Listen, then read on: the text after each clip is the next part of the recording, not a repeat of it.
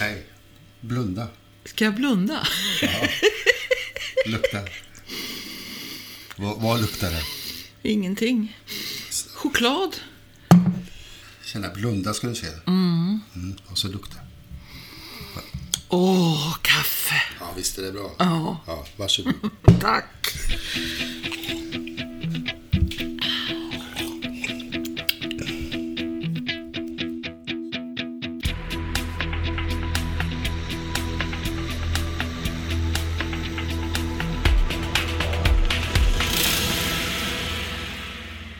Här är Peter och Maria. Det här är Peter och Maria.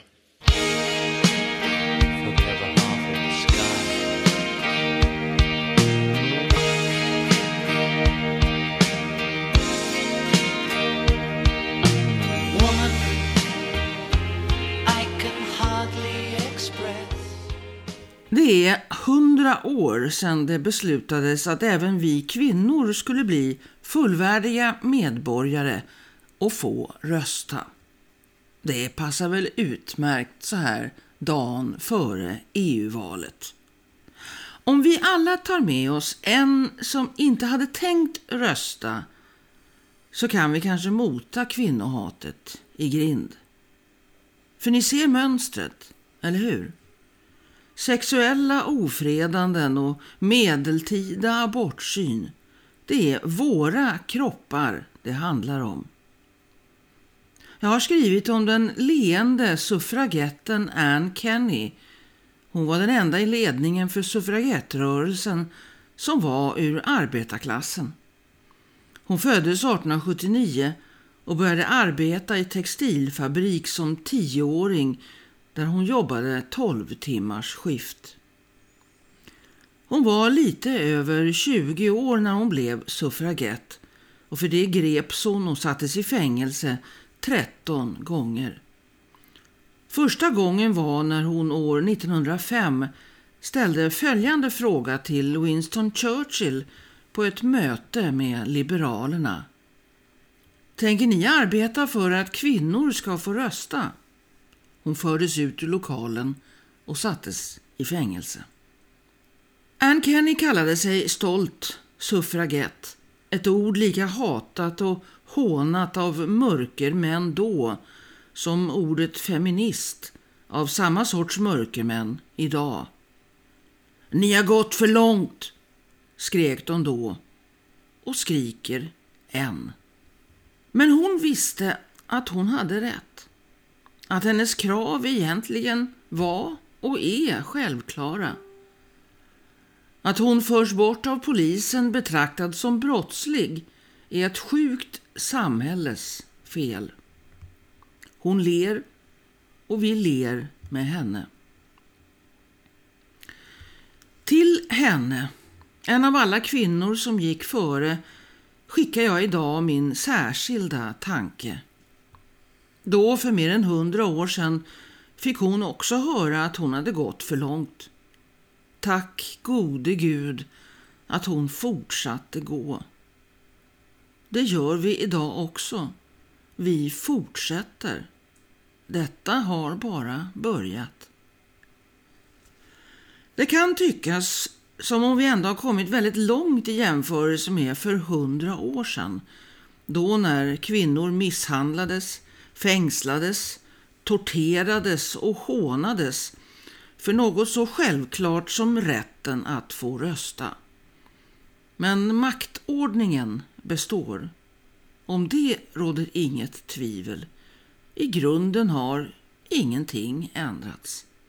Med Trump i Vita huset blev detta uppenbart. Hans kvinnoförakt, hans totala respektlöshet för kvinnors kroppsliga integritet avslöjar hur lite som egentligen har ändrats på hundra år.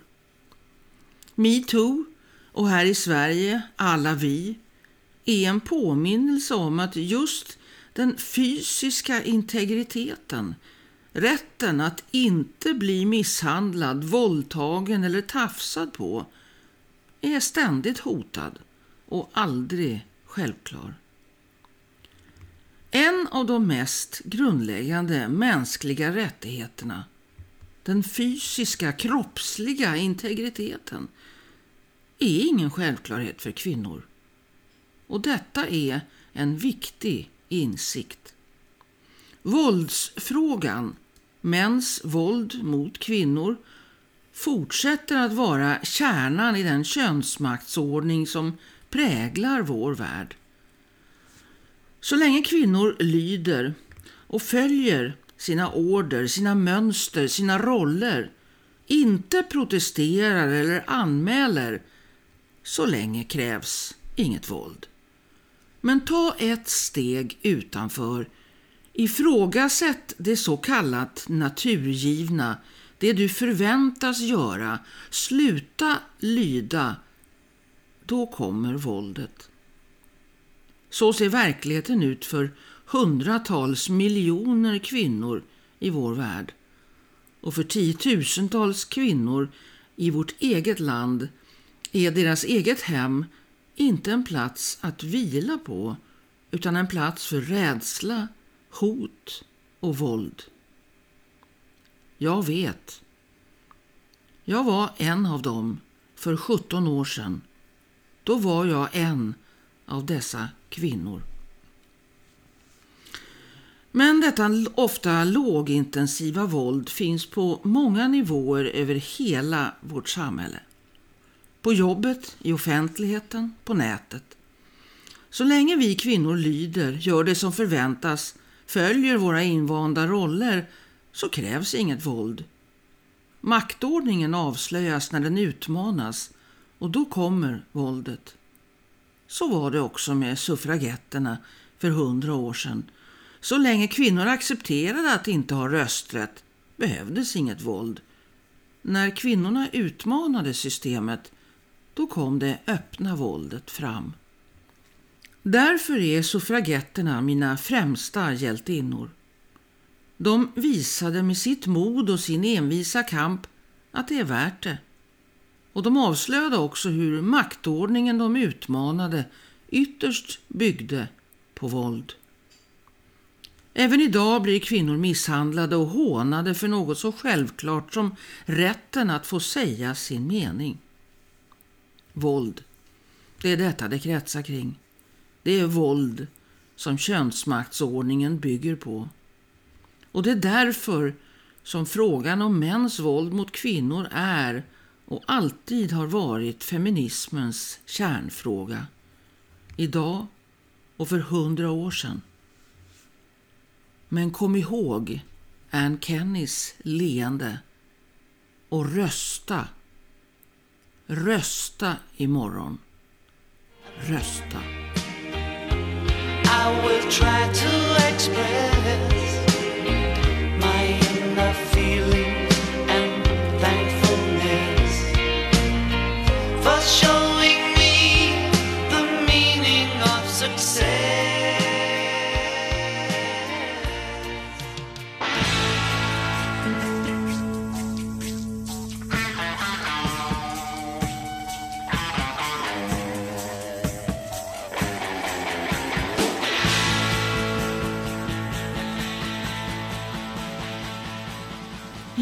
Peter, vi ska ju rösta imorgon.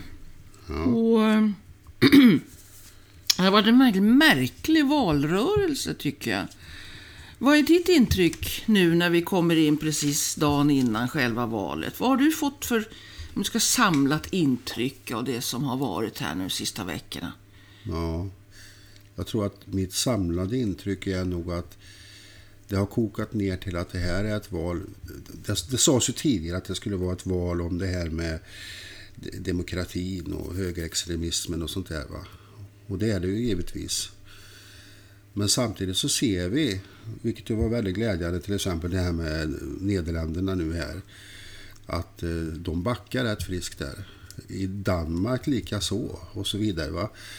Eh, och så har det här med kvinnors rättigheter plötsligt ploppat upp till ytan. Och det är egentligen, för att vi har ju alltid hävdat detta, att det är egentligen vad det i grunden handlar om. Så handlar det om att ett av högerextremismens starkaste ben, det är just det här med könsmakten. Mm. Könsmaktsordningen. Kvinnohatet. kvinnohatet. Det är ju ett av fundamenten vid sidan av rasismen. Eh, därför att det egentligen är ju en patriarkal struktur. Eh, ordentlig, alltså fundamentalt patriarkal struktur. Där kvinnor är med som någon sorts staffarsfigurer. De är sådana här röst... eh, Vad var det? Det var någon som kallade det för röstboskap. ni, ni får vara med där liksom för att det, det ser bra ut. Men när det, när det väl gäller, då är det It's a man's world. Och det är väl det jag känner att det har, att det har utkristalliserat sig sista veckorna här nu. Det här att det kommer att handla om väldigt mycket om kvinnor och kvinnors rättigheter. Abort. Och då kan man säga så här att abortfrågan, vad man än anser om den personligen, så tycker jag nog att man kan lyfta upp den att det blir en symbolisk fråga också. Va? Det handlar om så pass mycket mer egentligen. Vem ska ha rätt att avgöra, vem ska bestämma och så vidare. Va? Ja, men alltså, det är ju helt uppenbart att eh, det här beslutet i Alabama kom att påverka den svenska valrörelsen. Alltså, jag tror att väldigt många i Sverige blev medvetna om vad som står på spel. Och att eh, det här som sen avslöjades som Adaktusson och hans remarkabelt usla röstningsmönster under de år han satt i parlamentet. Alltså jag tror att det, det som framförallt eh, där ju till och med Ebba Busch Thor har tagit sin hand ifrån honom, det är ju det här med den här fördömandet av Paraguay för att man eh, inte tillät en tioårig flicka som har blivit våldtagen att få genomgå en abort. Mm. Att han inte ens kan eh, delta i det fördömandet som den enda svenska parlamentarikern är väldigt avslöjande. Och jag tror att man måste inse på något sätt att anledningen till att de andra i partiledningen för Kristdemokraterna tar avstånd från detta. Jag menar, jag såg nu att eh, Göran Hägglund heter han väl, va? Förra? Ja. Glömmer bort Om det är namn Göran så Hägglund fort. du menar så Ja, den förra partiledaren. Eh, han blev ju också rätt upprörd över, över Adaktussons eh, röstmönster. Eh, när det gäller Hägglund så är jag inte så, så eh, konspiratorisk, men jag tror, man ser hur den nuvarande ledningen agerar, så är det det de håller på med är en sorts steg för steg sakta försöka förändra attityderna kring det här med, med aborter och därför så stödjer man det också det här att man, barnmorskor ska kunna eh, få vägra göra abort i Sverige, vilket ju vi har redan avklarat klarat av den frågan. Va? Den driver ju eh, Ebba Busch Thor. Eh, och jag tror att det är alldeles för många, framförallt kvinnor, som inte riktigt har fått klart för sig vad KD står i det här. Jag tror alltså att det är många som inte riktigt kände sig bekväma med att rösta på SD, men när KD verkade svänga åt det hållet så blev det liksom lite lättare. Då kunde man ta henne istället. Men det de inte tänkte på är att just den här frågan om aborträtten är ju en nyckelfråga. Där står ju SD, de är ju ännu grövre än vad KD är i den frågan. Men de står ju på samma grund där va. Eh, och jag tror att det är otroligt viktigt att den där frågan kom upp nu så här på sluttampen. Med, med hänvisning till Adaktusson som ju faktiskt inte ställer upp i EU-valet eftersom han ju sitter i riksdagen. Va? Spelar egentligen ingen roll vad de som nu kandiderar för KD, vad Skyttedal står, det, det är fortfarande höljt i dunkel, men hon är ju fullständig hon och- oberäknelig person i alla frågor. Hon kan ju tycka precis vad som helst om precis vad som helst, precis när som helst. Så att rent eh, så att säga, politiskt så står hon ju precis där Adaktusson och Eva Busch står också. Mm. Det är väldigt, eh, man kan säga att de är väldigt radikala på många sätt. Ja, det kan man väl om man vill använda ordet på det sättet. Ja, alltså radikal, eh, högerradikala. Ja, högerradikala, absolut. Och eh, lite grann så är det väl det här med att man tidigare hade, har man kunnat titta på Amerika och sett de, den typen av, eh, ska vi säga, lite extremhöger tongångar. Va? Och eh, den kristna högern och så vidare. Eh, Här i Sverige har, det ju inte varit, har vi varit lite förskonade från det. Ja. Men det kommer också, det kom, och alltihopa kommer i kölvattnet av den här alt-right-rörelsen. Att den har Men så, jag tycker också det är viktigt att påpeka rent faktamässigt att vi har betydligt färre aborter i Sverige än vad man har i USA. Betydligt färre. Och framförallt så har vi mycket tidigare aborter. I USA har man en en tendens att göra det så krångligt att genomgå en abort så att de kommer väldigt sent jämförelsevis. Och i Sverige så har ju aborterna, alltså aborternas antal gått ner ganska kraftigt. Det är inte alls så det ser ut i USA. Va? Så det verkar ju som att, jag menar ingen, tror jag man kan säga rätt upp och ner, va? ingen som förespråkar att det är kvinnor själva som ska bestämma, det vill säga det man menar när man säger fri abort. Va? Det är ju en fråga om vem som ska bestämma helt enkelt.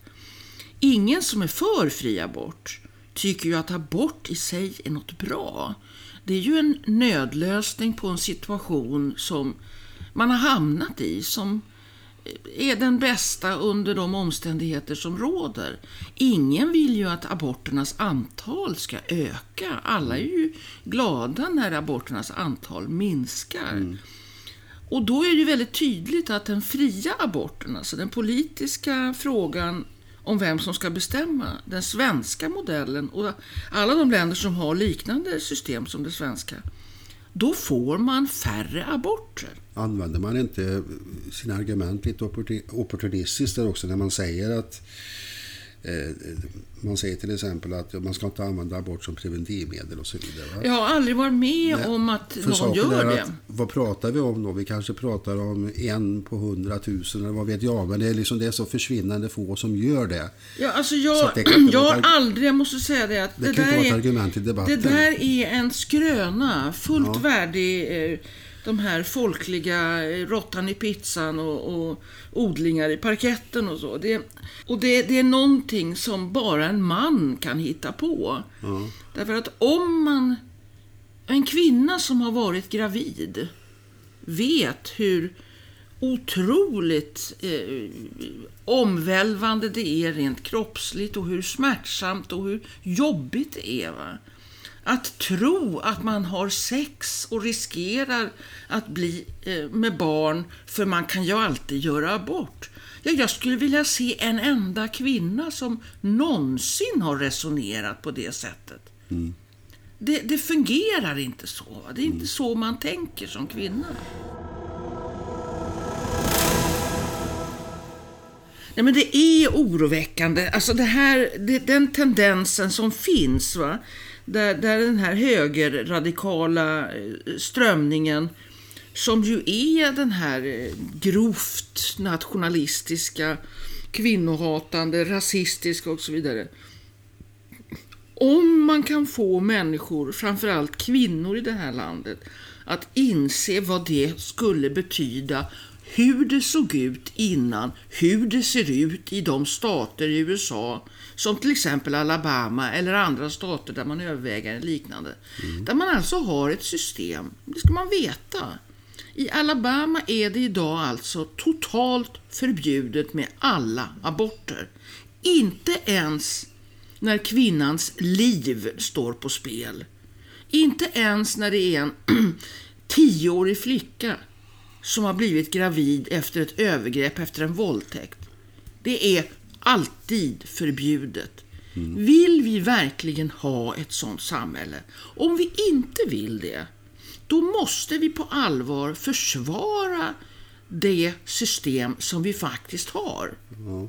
För dessa snubbar, för det är ofta det är nä- nästan bara snubbar, gubbar eh, talar ju ibland... Ja, men det, det, man, ska inte säga, man ska inte se det på det sättet. Nej, men- därför det, som, det, händer, det som händer när man säger så, det är ju att man tänker så här, ja men Skyttedal, hon kan väl inte tycka så då? Nej, och Ebba Busch Thor kan väl inte heller Nej, men då tycka tar vi så? om det därifrån. Ja, men det, nej, du behöver inte ta om det, men det är klart att de flesta är gubbar och det blir tydligt i USA blir det tydligt att det är gubbar som Om jag får bestämmer. prata till punkt så tänkte jag så här Ja, alltså att, att det som är lite paradoxalt med de här gubbarna det är att i normala fall så är de ju också väldiga hökar.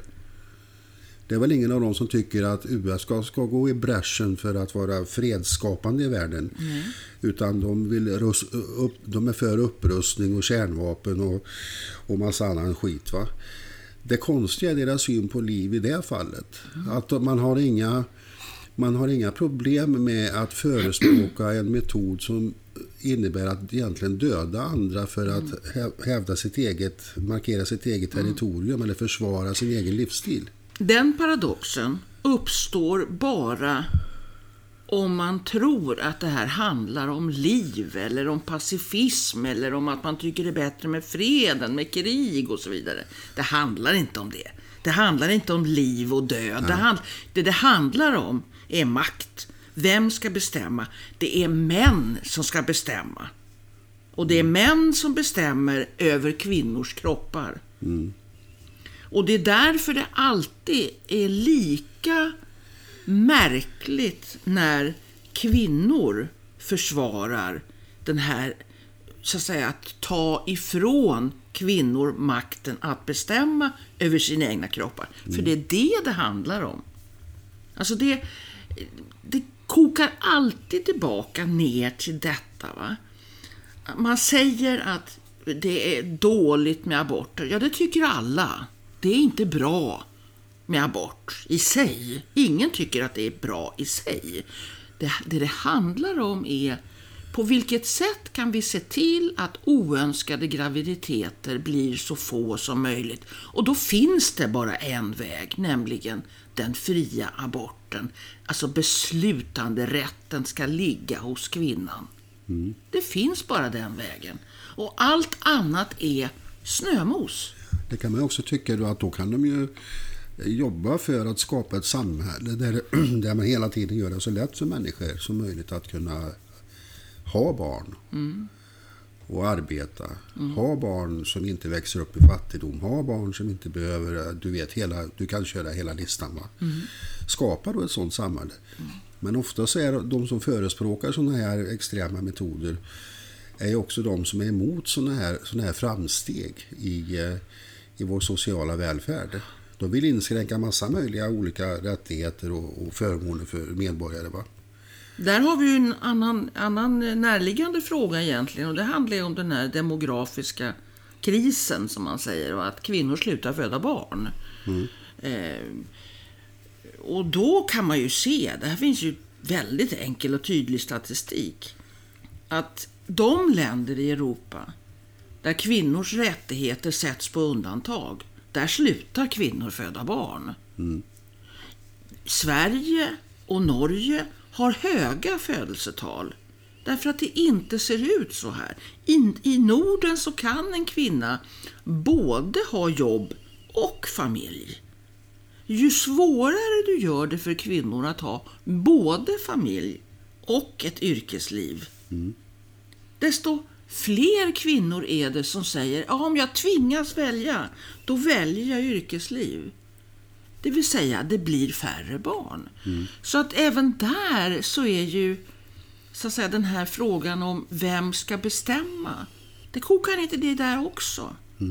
Alltså, I den meningen så är den här grundläggande feministiska analysen så enkel och klockren. Vill du att människor ska kunna och förmå leva ett liv med både yrkesliv och barn, då ska du göra ett samhälle där kvinnor inte tvingas välja. Och då har du alltihopa, det andra också.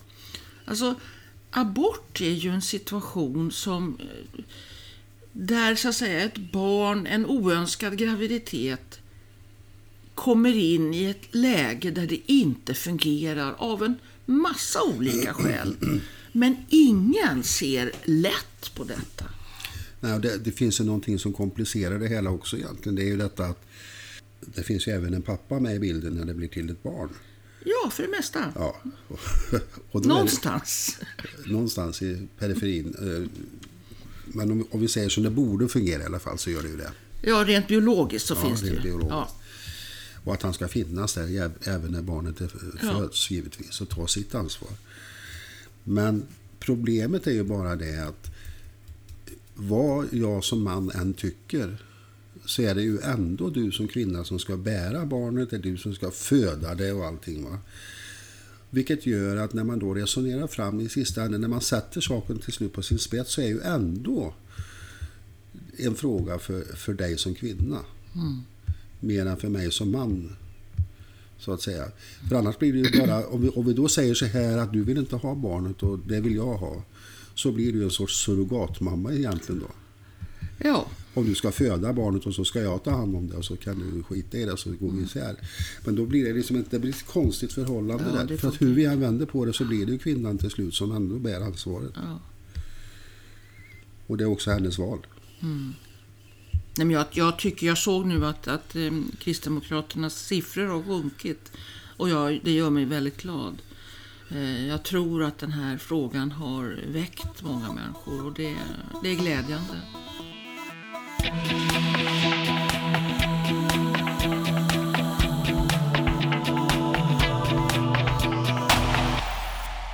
Jag har här, förstår du.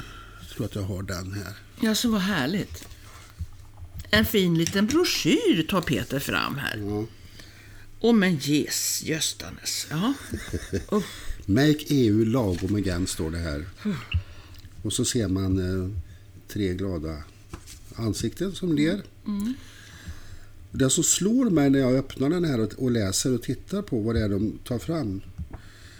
Eh, det är faktiskt att de nämner ingenting egentligen om det som vi pratar om nu. nej. Och de nämner ingenting om migrationen, om invandring och Eh, sådana här saker som de i normala fall pratar om. Utan här så pratar de om att, att EU ska hålla sig borta från världs, välfärdspolitiken. De ska agera för fler jobb. De ska ta krafttag för klimatet. Och EUs budget ska vara måttfull. Och då känner jag det att, jaha, i vanliga fall så pratar ni ju nästan bara om sånt här att du vet med krafttag mot brottsligheten och så här. Är det, är det, finns det någon sorts, ska vi säga, strategi här? Att vi inte ska liksom bli för kontroversiella Det när vi skickar ut det här. Mm. Utan nu pratar vi om sånt som är lite mer riskfritt. Och så kan Ebba Busch Thor stå i, i tv istället och, och tv istället och prata strunt om hur många kvinnor som våldtogs och så vidare. Ja, Det, det paradoxala är ju att, eh, tycker jag, att den här valrörelsen har på så många sätt kommit att handla om kvinnors kroppar. ja. Verkligen. Det är det det har kokat ihop det, det är det som har varit huvudfokus. Alltså, visst har det förekommit diskussioner om det här med klimat och, och hur man ska göra saker bättre på olika sätt. Men eh, i, i det som har blivit det som vi i journalistvärlden kallar för en snackis. Har gång på gång handlat om kvinnors kroppar, kvinnors kroppsliga integritet på olika sätt. Det har handlat om våldtäkter, det har handlat om sexuellt ofredande, om vi ska komma in på den ehm, Peter Lundgren. Eh, Eller om det här med aborter. Va? Och det är ganska fascinerande att det är så fokuserat på de här frågorna.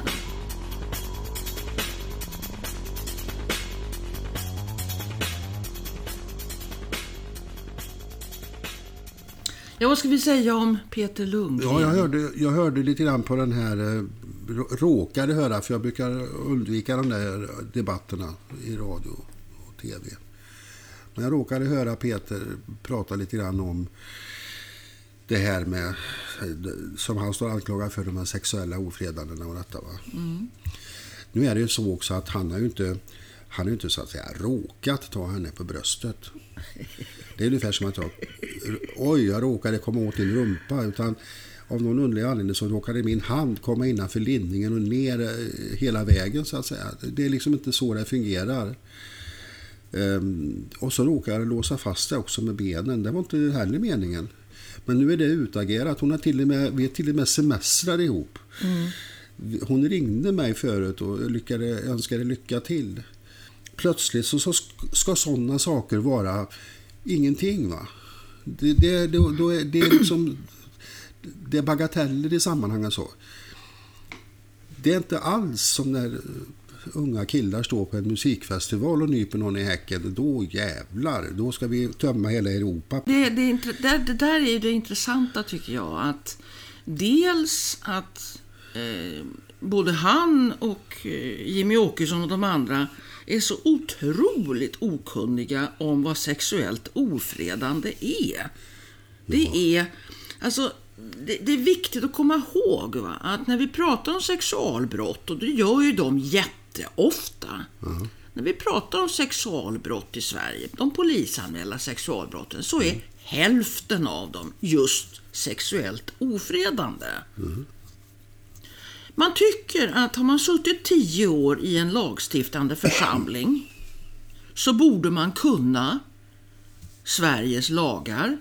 Framför allt på det område som man ständigt återkommer till.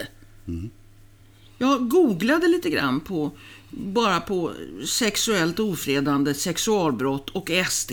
Jag menar, det fanns ju miljoner träffar. Va?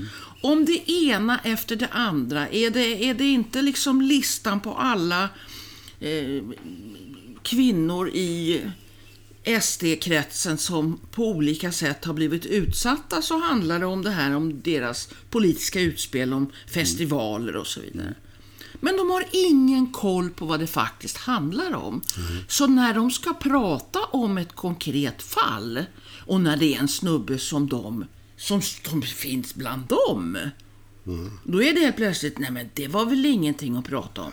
Det är någonting som man kan lägga bakom sig. Som vi liksom, nu pratar vi inte längre om det. Nu har vi kommit över det. Vi vänder blad. Det är liksom världs, världsrekord i hyckleri. Kan man väl lugnt säga. Ja, men det är inte bara... Det är inte bara världsrekord i hyckleri. Det, är också, det visar också, avslöjar med brutal tydlighet att de inte menar ett enda ord av vad de säger någonsin när det gäller sexualbrottslighet. Överhuvudtaget.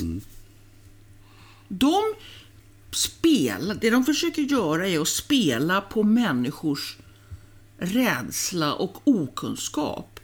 Och de pratar som om våldtäkterna i Sverige hade skjutit i höjden och det de då beskriver det som är de här okända utlänningarna, framförallt de här unga killarna som är jättemånga som kommer hit, som kastar sig över svenska tjejer, antingen våldtar dem i någon buske eller klämmer på dem på någon festival. Sen när någon egen eh, smällfet gubbe gör exakt det de säger är så hemskt. Nej, då är det ingen fara, förstår du. Tänk För dig. att hon, hon har ju sagt att det här var inte så farligt och vi har kommit över det. Tänk om det är tvärtom då. Att de uppför sig trevligare mot tjejer och kvinnor än vad, än vad de eh, här bufflarna gör. Ja. Det är alltså en konkurrenssituation, tror du inte det? ja. Jag menar, det är, inga- det är, det är väldigt sällan man hör liksom att kvinnorna, att man känner att kvinnorna ska ut eller kvinnorna ska ut. Det är ofta männen och man säger sig det är bara män som kommer hit. Vad, vad, vad, de lämnar kvinnorna kvar. Och så vidare. Va? Utan att fatta ett jäkla skit av hur det handlar om, hur det funkar när man flyr.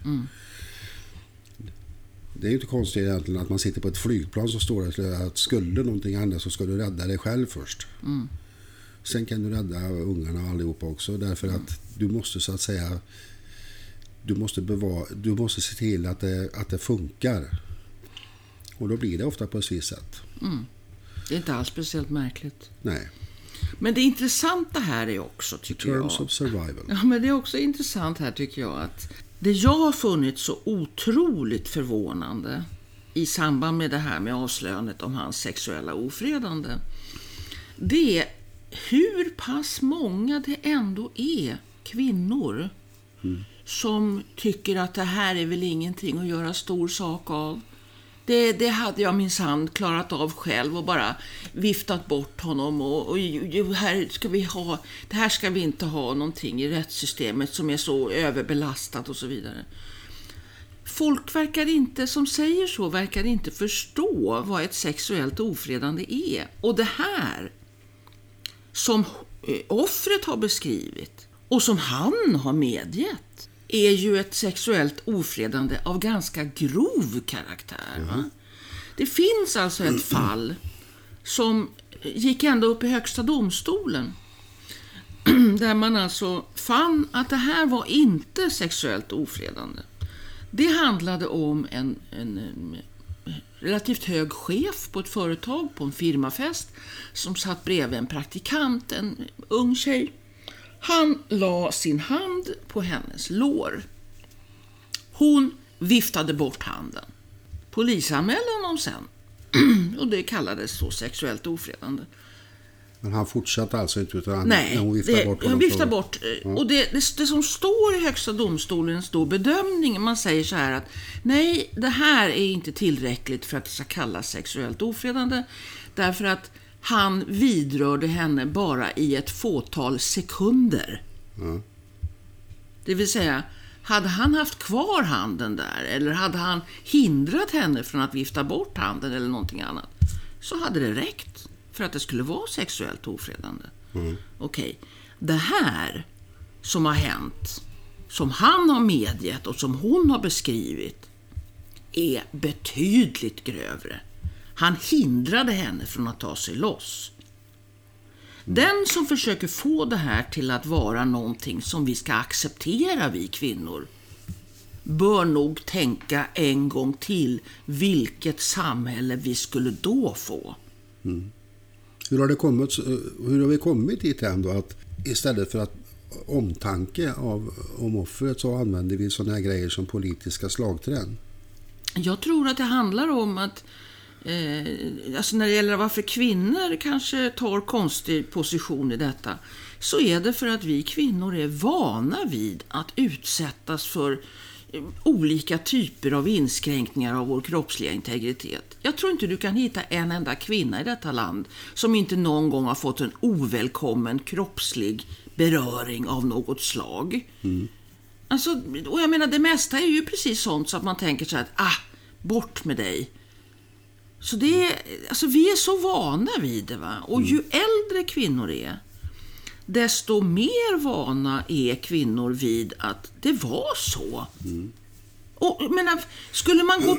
Nej, men man kan ju inte gå till polisen med något sånt va. Ja, och sen så kan, får jag den här känslan också att det, det är bättre att spela med.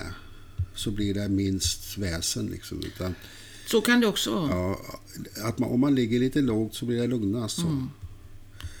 Och, i det här, och i det här fallet när vi eh, ser som i politiken här nu, som i SD, så får jag ibland den här känslan av ibland att, att eh, hierarkin är sån. Så det är lika bra att spela med. Så, Man ska komma ihåg att när det gäller det här offret, det här specifika offret. Jag hade anledning att eh, eh studera henne lite närmare i samband med valet i höstas. Hon satt nämligen i riksdagen fram till 2018. Men petades från riksdagslistan. Och hon var nummer ett av de som petades. Eh, det fanns ingen riktig förklaring till varför hon petades. Eh, hon själv förstod det inte heller. Eh, och hon drev en sorts personvalskampanj. Alltså hon stod så att säga på sida två på, på valsedeln, på plats 61 eller något sånt där. Va? På icke valbar plats. Och hon drev en sorts, ni kan vända på och så kan ni kryssa mig i alla fall. Hon kom ju inte in. Och det här att hon petades, det kom alltså efter det här övergreppet. okej. Och eh, jag hoppas att detta ska kunna utredas ordentligt. Men det är helt uppenbart att hon befinner sig i en beroendeställning till partiledningen. Hon skulle inget annat önska än att återigen sitta i riksdagen, åtminstone hamna på valbar plats, kanske ett annat senare val. Va? Hon är beredd att gå ganska långt för att hålla sig väl med de som har makten i partiet. Och det är det, tror jag, som gör att hon å ena sidan inte kan förneka vad som hände eftersom det ju finns, hon har själv beskrivit vad som faktiskt hände i det här eh, berömda telefonsamtalet. Men hon tror då att hon kan så att säga ta udden av alltihopa genom att säga att jag tycker inte att det är någonting att bråka om och tjafsa om och vi är bundis och kompis igen. Och hon, det hon inte förstår då, det är att hon har inte makten över hur denna handling ska betraktas. Ja, du, du märker ju det. Det finns ju de som har, har lämnat SD. Tänker då på kvinnor. Som inte är i den beroendeställningen längre.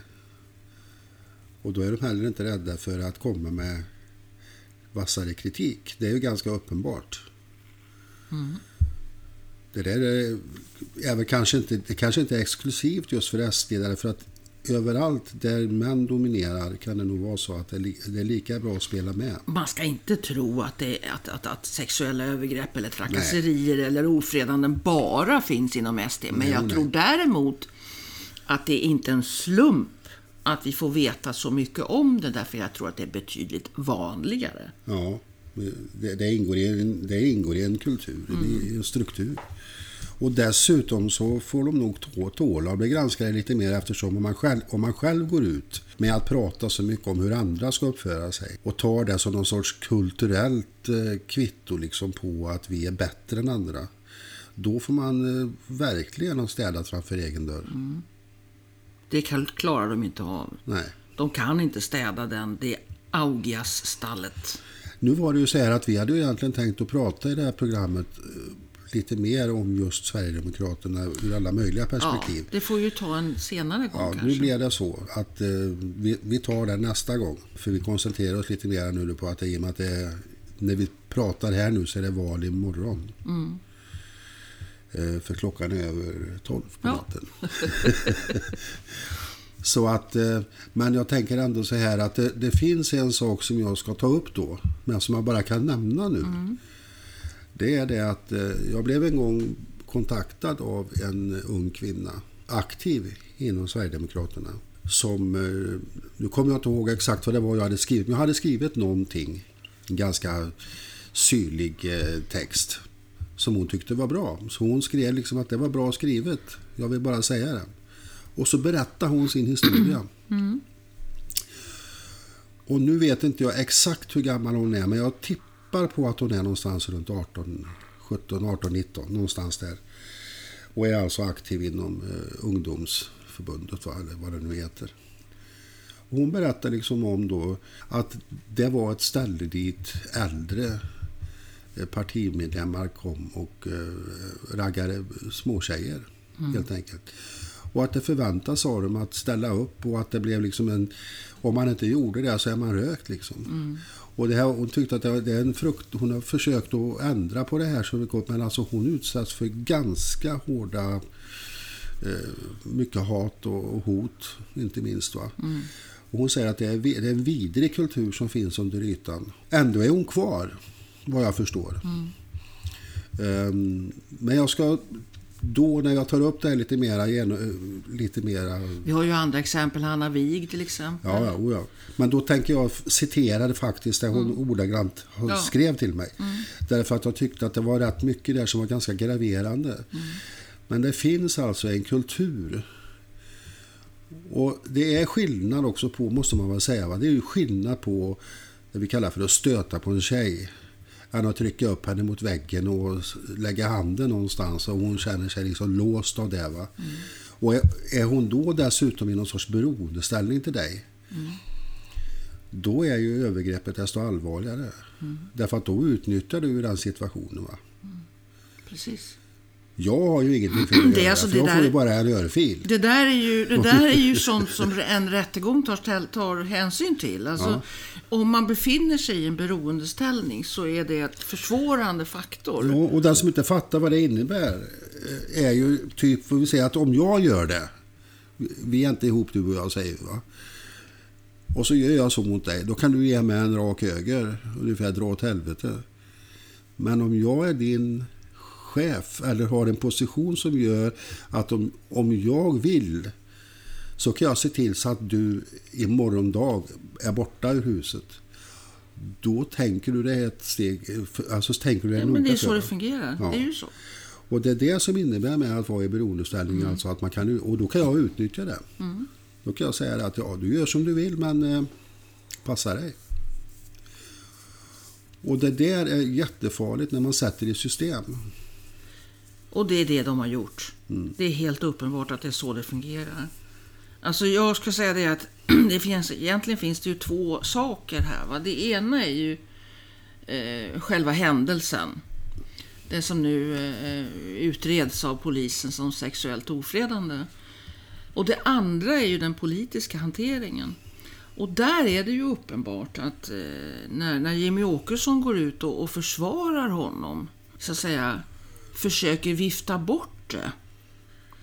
Eh, alla de här förklaringarna med att hon inte längre tycker att det är någonting att prata om och att de är vänner numera.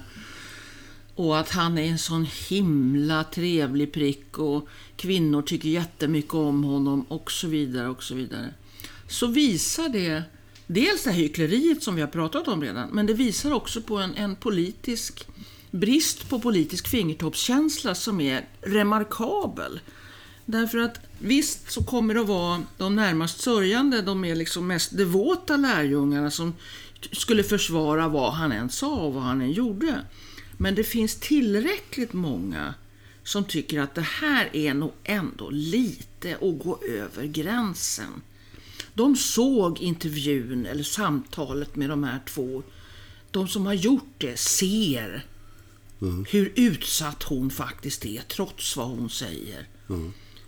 Och det är helt uppenbart att de utnyttjar hennes beroendeställning. Det är helt uppenbart. Och du, du Och det, och det är att han inte förstår att du kan inte leka med de här krafterna på det enkla sätt som han tror att han kan. Det är naivt av honom. Och du märker det i sådana, i sådana fall där, där kvinnor utsätts för våld i nära relation Mm. och tar tillbaka sin anmälan. Så känner ju många människor så här liksom att, jaha, okej. De går inte på den lätta egentligen va? De tycker att liksom, varför står hon inte på sig? Mm.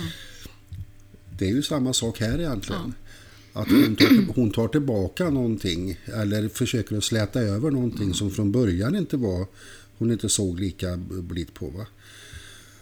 Och, Och det är viktigt, alltså det är därför det är så viktigt det här med att påpeka att sexuellt ofredande faller under, under allmänt åtal. Det har ju nu äntligen, tror jag, poletterna trillat ner på många ställen men där det den säger inte har trillat ner. Persson att det inte gör. Jo, det säger han inte. Men- alltså det där är ett missförstånd som är, eh, ja, tyvärr. Red ut det nu. Så här ligger det till. Sexuellt ofredande är inget målsägande brott. Det vill säga, det är inte en förutsättning att den som har utsatts för brottet anmäler. Så är det när det till exempel gäller eh, hemfridsbrott, kan vi ta. Hemfridsbrott. Om jag utsätts för hemfridsbrott, någon kommer hit, öppnar dörren och kliver in och inte vill gå, så kan jag anmäla den personen för hemfridsbrott. Om jag tar tillbaka min anmälan, då kan polisen inte göra någonting. För det är ett målsägande brott. Okej. Brott som faller under allmänt åtal. Där spelar det ingen roll om den som är utsatt för brottet anmäler eller inte. Och det spelar ingen roll om den som utsätts för brottet först anmäler och sen tar tillbaka anmälan. Så att om Det- den, om den personen kommer in och slår till dig ja. och går härifrån. Ja. Då är det ett brott som vem som helst kan Då polisanmäla. kan de inte sätta åt vederbörande för hemfridsbrott om inte du vill. Men Nej. du kan inte komma undan våldet. Exakt. Nej. Och det här, så, i Sverige har vi haft den ordningen sedan 1982. Så att det är ju inte så himla länge sedan som, som det faktiskt infördes när det gäller våld inom äktenskapet om man säger. Eh, före det så var det ett, ett målsägandebrott. Det vill säga, det är, därifrån, det är därifrån den här myten om jag först anmäler hon och sen tar hon tillbaka, då kan polisen inte göra någonting. Ja, så var det fram till 1982. Efter 1982 så faller även dessa, dessa våldsyttringar under allmänt åtal. Och det bästa exemplet på hur det faktiskt kan gå till, det var domen mot Papadis som kom 2009 i hovrätten. Där eh, eh, han och hans dåvarande fru gick hem från en fest och det som sen hände utspelade sig mellan dem sågs av flera vittnen. Mm. Han dömdes för att ha knuffat henne in i en vägg, om jag nu minns det rätt. I alla fall ha knuffat henne. Han dömdes så småningom för ringa misshandel både i tingsrätten och hovrätten. Man får inte göra det. Man får alltså inte knuffa någon in i en vägg? Nej, man får inte det. Trodde jag var lite light-version av Men, men eh, där var det ju så att eh, hon eh, polisanmälde aldrig och hävdade att hon överhuvudtaget inte hade blivit misshandlad utan hon hade fallit själv och, och hon var så hysterisk och hon hade gjort så konstiga saker och hon hade någon sorts ångestattack och så vidare. Allt möjligt. Hon skrev till och med en bok om att ingen lyssnade på henne. Men det fanns vittnen. Det fanns oberoende vittnen som såg vad som hände. Och rätten tog ställning till vad som faktiskt hade hänt. Att hon inte polisanmälde och vägrade acceptera att hon skulle blivit utsatt för våld, det spelade faktiskt ingen roll. Mm. Rätten tog ställning till fakta i målet och där fanns vittnesbeskrivningen. Mm. Han dömdes, han fälldes. Det vill säga...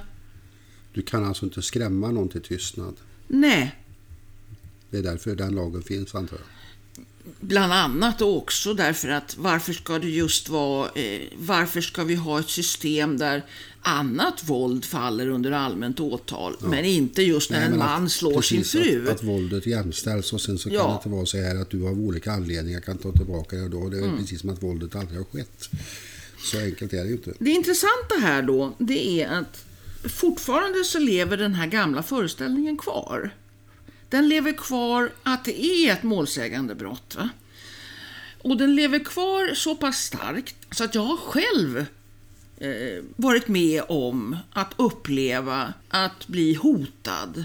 Att jag borde ta tillbaka en polisanmälan, mm. för annars och det var när jag polisanmälde eh, min sambo 2002. Då ringde hans pappa upp mig och sa nu är det bäst att du tar tillbaka polisanmälan annars så kan det sluta illa. Tyvärr var det ju så då för honom att jag var ganska bra påläst. Mm. Så jag talade om för honom direkt att ja, jag är ledsen men eh, det här faller under allmänt åtal. Och han sa bara va? Och sen sa jag till honom att det du just nu gör när du försöker hota mig att ta tillbaka min polisanmälan, det är övergrepp i rättssak. Om jag kan, och jag kan polisanmäla dig om jag vill för detta. Och då riskerar du åtta års fängelse. Mm. Klick. Det där vet inte heller så många Nya om. Nya tider nu grabbar. Det vill säga, det det här tycker jag borde utredas ordentligt. Ja. Hennes beroendeställning till partiledningen. På vilket sätt kan hon ha påverkats till att inte göra polisanmälan, till att försöka vifta bort det och så vidare. och så vidare. Det de inte tycks begripa det är att det här politiska agerandet som de har ägnat sig åt när det här kom fram mm är ett betydligt allvarligare brott enligt vårt rättssystem än vad det själva det sexuella ofredandet är. Mm. Det begriper de inte. Och det visar också vilka totala amatörer de är på det som efter tio år borde vara deras jobb.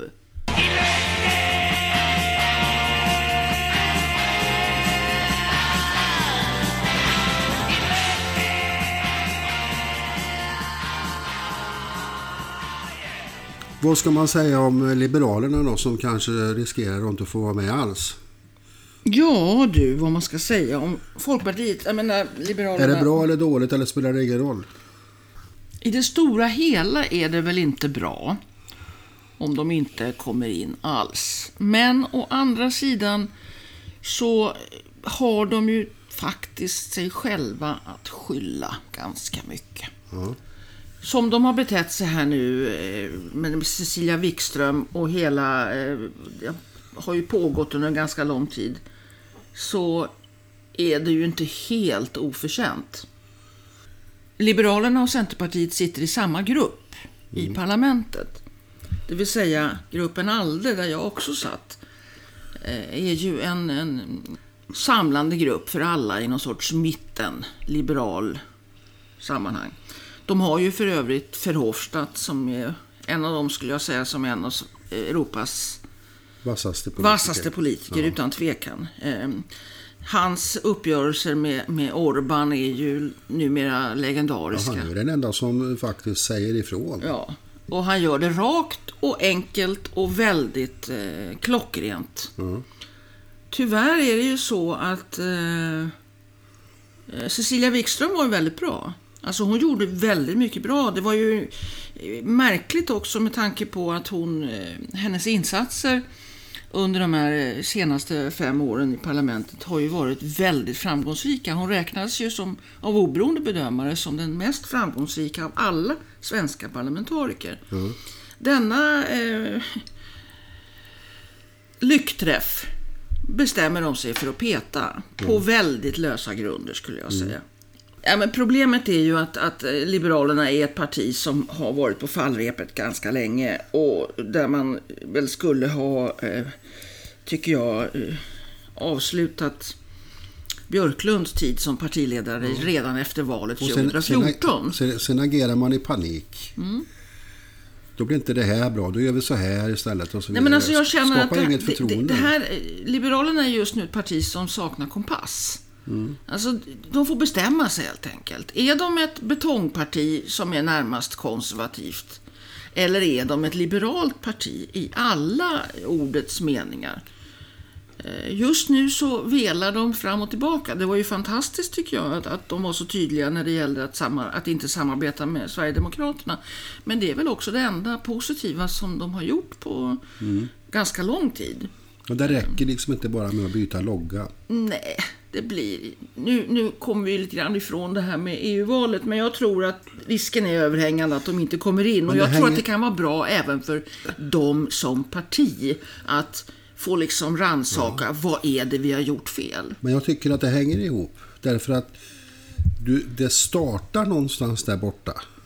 Och så ser du resultatet av det nu. va? Att man har hållit på med den här otydliga, diffusa eh, panikpolitiken. Där man försöker att sticka upp fingret hela tiden. Va? Utan att ha någon egentlig kompass.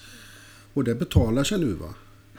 Väljarna går inte på det. Nej. Och det kan man ju tycka är bra eller dåligt, men det är så det ser ut. Ja.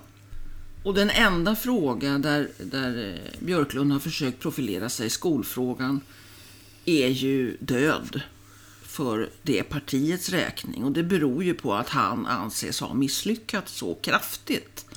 Alltså han var ju ett skämt mot slutet av sin tid som, som eh, skolminister. Och eh, ja, vad som ska hända med det partiet, det får vi väl se. Det kan ju bli en av tre eller fyra, hur många kandidater det är nu som blir, men det är ju någonting som händer i juni. Federley som är den andra medlemmen i, i ALDE, alltså den liberala gruppen i parlamentet, eh, vet jag för lite om, ska jag vara helt ärlig och säga. Jag tycker han verkar ha gjort ett eh, bra jobb, vad jag känner till. Men jag har väldigt svårt att, att ha någon Han fast verkar, han verkar åtminstone. Mm. ha en kurs som han håller sig till. Och så kan man tycka vad man vill om den kursen, men att det är bättre med politiker som står för någonting och inte håller på och velar. Ja, alltså jag, eftersom... Jag menar, om vi nu ska prata om de positiva saker som ändå finns i detta val och inte bara stolpskotten. Så är det ju så här att eh, för min del är valet vem jag ska rösta på, eller vad jag ska rösta på, har varit ganska klart. rätt länge. Jag röstade på Malin Björk för fem år sedan, 2014. Eh, och då gjorde jag en ganska noggrann kontroll av vad hon står för och vad Vänsterpartiet står för och så vidare. Och kom fram till att det var nog ett klokt beslut. Och jag känner mig, jag har följt henne sedan dess också i fem år. Och jag känner mig väldigt trygg med att det där är en människa som står pall när det blåser. Hennes engagemang för abortfrågan, hennes engagemang för när det gäller kvinnors eh, kroppsliga integritet, alltså allt som har med våld och, och trafficking och, och prostitution och så vidare att göra. Hon står fast och hon gör det även när massmedias eh, lampor inte lyser. Henne har jag mycket, mycket stort förtroende för. Mm. Jag vet att jag, jag skrev ju en liten text om detta på Facebook för egen del. Därför att jag kan känna så här att för, för jag röstar och kommer också rösta på Malin Björk. Och det har egentligen för min del inte ett dugg med Vänsterpartiet att göra utan det har att göra med Malin Björk som person. Att hon står för grejer som jag tycker är viktiga att de finns i parlamentet. Att de har en röst i den europeiska politiken och är då från någon också som faktiskt kan göra den rösten hörd och kan tala för sig och stå för sina grejer. Va? Det är viktigast för mig. Och så, eh, det är väl så också som, som skiljer EU-valet väldigt mycket från riksdagsvalet tycker jag. Det är att det är väldigt, det är väldigt mycket ett personval. Det är inte, inte en slump att man pratar om toppkandidater och så Nej. vidare. Och eh, Och jag tror att KD, lite KD har gjort ett det. misstag när de lyfte fram Sara Skyttedal som deras toppkandidat. Alltså hade de tagit, vad heter han, David Lega heter han va? Ja, han, eh, simmaren. Ja, David Lega. Det tror jag kanske hade varit ett klokare beslut från deras sida. Men nu är det som det är. Han verkar ju lite mer lagom dessutom. Ja, dessutom. Nej men det är ju inte sådär, känns ju inte sådär jättelagom och, och, och sitta och snacka om lagom och så posera framför en eh, sportvagn och du vet, vara sådär allmänt. Posera med skjutvapen och, Ja, det är inte sådär jättelagom. och tycka att folk är dumma i huvudet. Puck, punkt, vad var hon sa? Ja, du menar det här med Dumpuckon. dumpuckon och så sk- googlar man på dumpuckon och bild, Man bildgooglar på Dumpucko så får man upp då henne. är det nästan bara hon. Så det kan ju vara lite, lite kul Lite faktiskt. riskabelt kanske. Nåväl.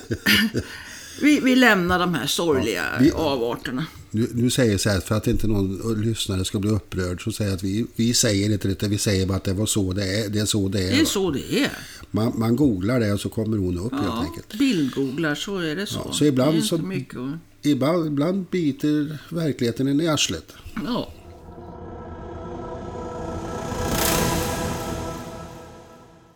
Men sen har vi ju andra. Eh, vi har ju inte nämnt någonting om sossarna till exempel. Jag tycker det finns flera bra där också. Och där har vi, vi måste ju säga Olle Torell är ju en väldigt eh, Ja. positiv eh, kraft. Ja.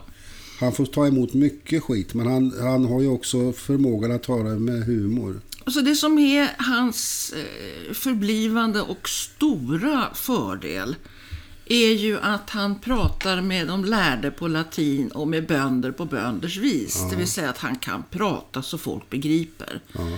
Jag eh, har stor respekt också för Jytte Guteland, det får jag säga.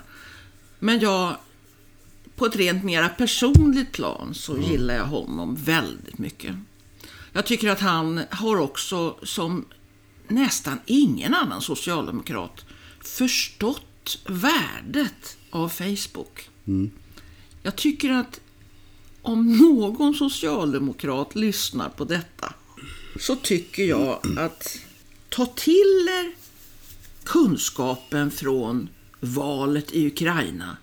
Där den här skämtgubben, komikern från TV som ingen trodde på. Han kampanjade enbart på Facebook. Visserligen var han känd från TV, men hans kampanj var helt och hållet på Facebook. Försök att förstå vilket enormt kraftfullt vapen Facebook är när du vill få ut ett budskap. Det där är, har, har han, har Olle förstått. Olle har förstått det. Och han skulle kunna göra underverk för det där partiet när det gäller just den sidan av deras försök att nå ut eh, med budskap. Jag menar Magdalena Andersson, när hon står och pratar om varför Adaktusson inte är det enda problemet med KD, så känner man, ja men herre jösses, varför gör ni inte mer sånt här? Varför? Då tänder det till lite också. Det Då händer lite, det någonting. Det blir lite hetta i debatten. Det, det, fortfarande så är, så är det liksom som om de har inte vaknat till det nya medielandskapet. De tror att ja, men nu ska jag skriva på DN Debatt och då kommer det att få effekt. Jo, hejsan! Var då någonstans? tyvärr är det ju så att det, det där har ju Sverigedemokraterna och sådana fattat. Mm. Redan från början. Ja. Och det är också ett försprång som de har som är svårt att ta in. Va? Nej, det är inte svårt att ta Eller in. ta in och ta in, men he, hela alt-right-rörelsen har ju fattat betydelsen av, av nätet som, Ja. som eh, plattform. Ja, alltså, det, det, det, är ju en delvis en träningsfråga. va? Alltså, det är ju, om man inte är på Facebook mycket så kan man ju tro, speciellt om man är en skrivande person eller en opinionsbildande person, va? så kan man tro att jag skriver mina artiklar, mina seriösa inlägg på DN Debatt eller på en kultursida, Hex, YZ här och där. Och sen så gör jag det ett uttalande, pressmeddelande. Och sen så kan jag liksom få lite följare på Facebook som gillar mitt inlägg. Då har man inte fattat vad Facebook är. Nej. Du ska finnas där. Du ska ha folk Ja, som precis. finns på Facebook. Och sen så ska man, sen ska man prata, om jag utgår från mig själv, kan, kan jag tänka så här att de texter på Facebook som jag känner att jag har fått mest gensvar för, det är sådana som jag bara, jag har inte ens tänkt. Jag reagerar på någonting och så sätter jag mig ner och så skriver jag och så är jag lite småförbannad och så har jag, har jag det som bränslet, va? det är som lite raketbränsle. Och sen när jag är klar så pang, så går luften ur mig helt. Och så känner jag att nu pratar jag ur hjärtat. Och då når man människor. Ja. Därför att de, alltså det känns, även fast man bara skriver, så känner de liksom att det här är någonting Precis. som är ärligt menat, som, man, som är passionerat framfört. Va? Eller om man, som när jag gör vissa grejer, när jag känner så här att nej men nu har folk fel för sig. Det här måste vi rätta till. Jo, nu det- måste jag berätta. Som till exempel det här som jag skrev det här om, eh, f- faller under, under allmänt åtal. Va? Så fick jag ju klart för mig att det här visste folk inte om. Det här var liksom news Ja, för precis. jättemånga. Men det, ofta det du skriver om, eller gör, presenterar, är ju saker som måste presenteras på ett mera faktabaserat sätt. Va? Eh, som inte bara kan vara det här liksom känslosamma brandtalet för någonting. För då blir det helt fel. Därför att det är precis det som du ska motverka. Att man ska... Fak, man ska ha, det handlar om fakta istället för känslor. Va? Och då kan man heller inte... Då måste man presentera fakta och inte känslor. Eh, jag är ju lite mera... Jag har ju inte, jag har inte det riset på min egen rygg riktigt så. Va? Jag kan ju bara tycka saker. Det är inte alltid att jag har rätt, utan jag, jag fram, framställer en åsikt utan att göra anspråk på att ha san, Värdering skulle jag säga. Det är Du värdering, fram- ja. Du uttrycker en värdering. Ja. Och det är ju, alltså det, det här är ju flera ben som vi alltid måste försöka stå på. Jo, men jag trasslar inte in mig i siffror och sådana här saker.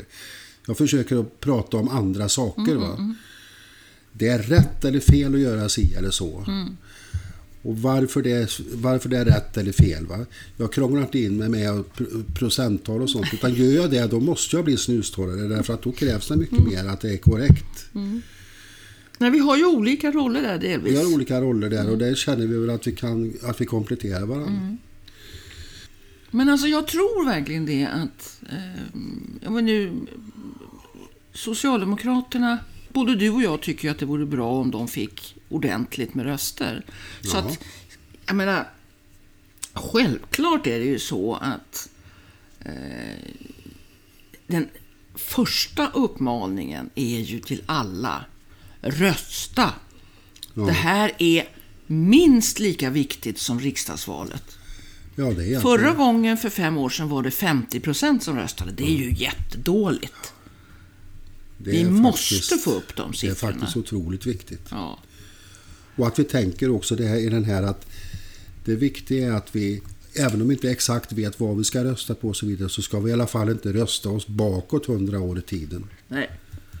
Nej men alltså om man känner sig osäker på vad man ska rösta på så har jag ju ett, ett, ett sånt här, en sån här tumregel som är väldigt praktisk och eh, bra att ha. Och det är att försök inte hitta det som du ska rösta på utan lista partierna efter Tvärtom. Tvärtom. Först det som du tycker är absolut sämst. Sen det som är näst sämst. Och sen så går du vidare. Och sen så kanske det kan bli lite svårt där på sluttampen möjligen. Mellan två, tre partier som du känner så att ja, men de är nog ganska bra alla tre eller två. Då kan du så här, säga, där kan du liksom så här välja då mellan dem. Men inte hamna i det att jag tycker inte jag kan hitta något som passar mig så jag struntar i att rösta. Det är det, det, är det absolut sämsta du kan göra. Utan börja med att plocka ut det som du tycker är sämst. Och så tar du bort det och så tar du bort det och så tar du bort det och så småningom så har du kvar två eller tre. Och sen så väljer du där. Det Något som du den- tycker är okej. Det farliga med den där soffliga eh, filosofin som en del har, som jag har märkt, det är ju också detta att, att man, är ju, man, är, man är förutsättningen för demokratin. Som väljare är ju du Ja. Mm. förutsättningen för demokratin. Och det är ju ett allvarligt hot mot demokratin om de som är förutsättningen själva väljer bort Mm. det demokratiska verktyget. För mig är själva den eh, så att säga, rättigheten och det privilegiet att få rösta är ju resultatet av suffragetternas kamp. Jag skulle inte få rösta om de inte hade kämpat. Det är min indirekta hyllning till det var bra gjort. Ni gjorde något bra. Ni gjorde så att jag har möjligheten att faktiskt rösta. Alla ni som har gått före oss Mm.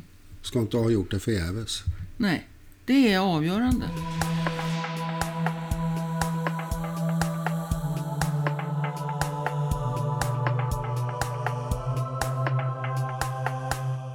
Vi har inte sagt någonting om Miljöpartiet. Nej, okej. De har ju haft flera eh, ledamöter som har gjort jättebra jobb. Miljö, i, I Miljöpartiet? ja, i de här senaste fem åren. Det är inte toppkandidaten, för hon satt ju i regeringen. Eh, Alice Bah Kuhnke. Ja.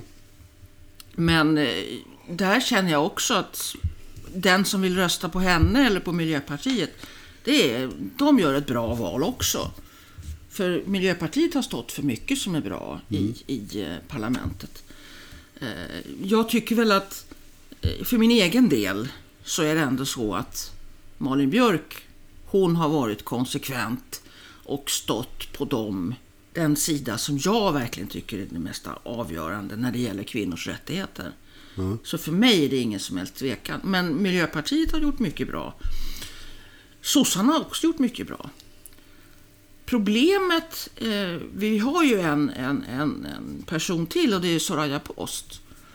Eh, problemet för Feministiskt initiativ har ju varit att hon fick en sån urusel start för fem år sedan när hon röstade för Juncker och hennes svammel om, om eh, där hon inte tycktes förstå att hon var ledamot utan såg sig själv som någon sorts eh, lobbyist, som hon uttryckte det.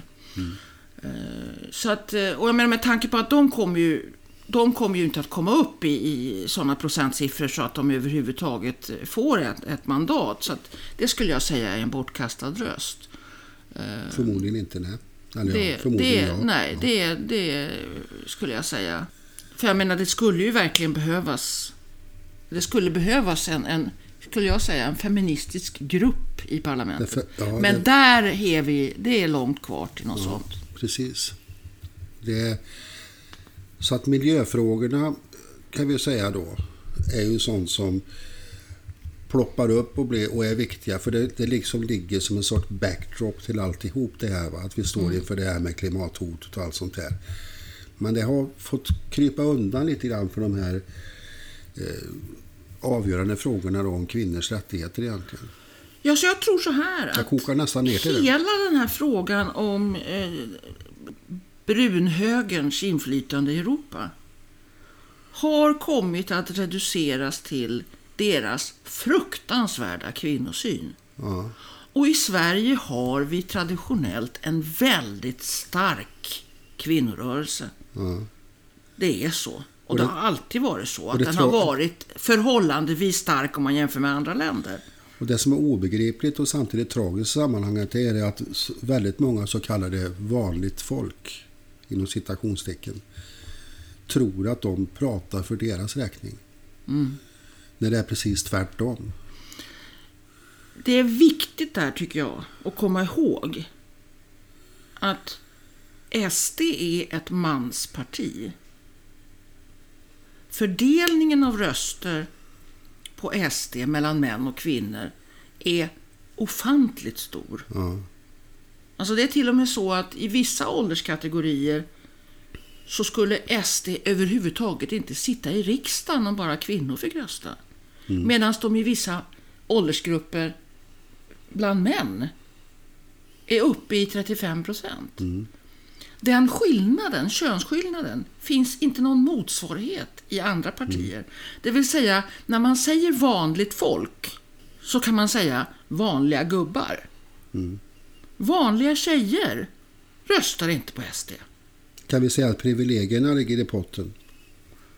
Vem, Ja. som ska, vem som ska få komma i åtnjutande av privilegierna, Alltså, om vi jag- ska jag fördela dem eller om det är bara en Jag har, länge, jag har länge trott att eh, SDs framgångssaga handlar väldigt mycket om just den här frågan om män och kvinnor. Det är en, nyckel till att förstå varför de har haft sådana framgångar som de har haft. Och eh, ser man det just genom rastret vilka som röstar på dem.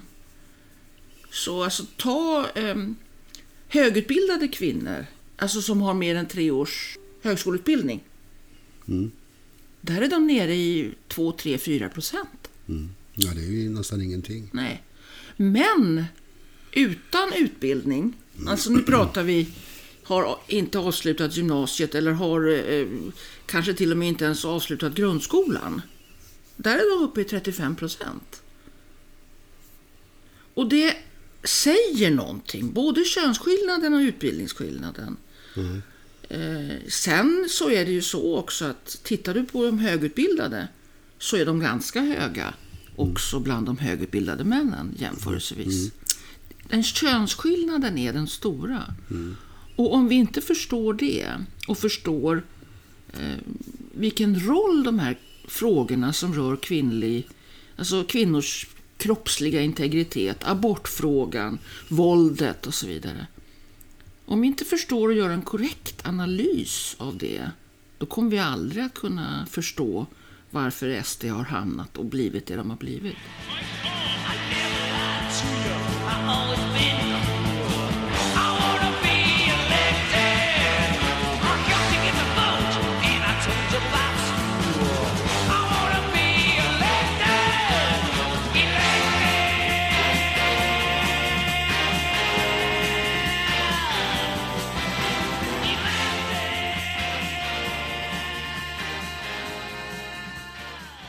Lögnen är verkligen en förbannad last. Enbart genom ordet är vi människor och enbart genom ordet håller vi ihop. Om vi insåg det hemska och allvarliga med ljugandet skulle vi förfölja lögnen med eld och brand med mycket större rätt än andra brott. Jag vet att man mödar sig helt i onödan med att straffa barn för alldeles oskyldiga förseelser och plåga dem för tanklösa handlingar som inte har vare sig någon betydelse eller några följder. Lögnen och i något mindre grad egensinnigheten är enligt min uppfattning de enda fel vilkas uppkomst och utveckling man oavbrutet måste motarbeta. De växer med barnen. Och när tungan väl har kommit in på fel väg är det otroligt svårt att få den därifrån. Därav kommer det sig att man kan se i övrigt hedliga människor som är alldeles hemfallna åt lasten och förslavade av den. Min skräddare är en hygglig karl, men jag har aldrig hört honom säga ett enda sant ord, inte ens när jag kunnat vara till nytta för honom själv. Så skrev Michel de Montaigne 1585. Vi hörs nästa vecka. Spring och skrik!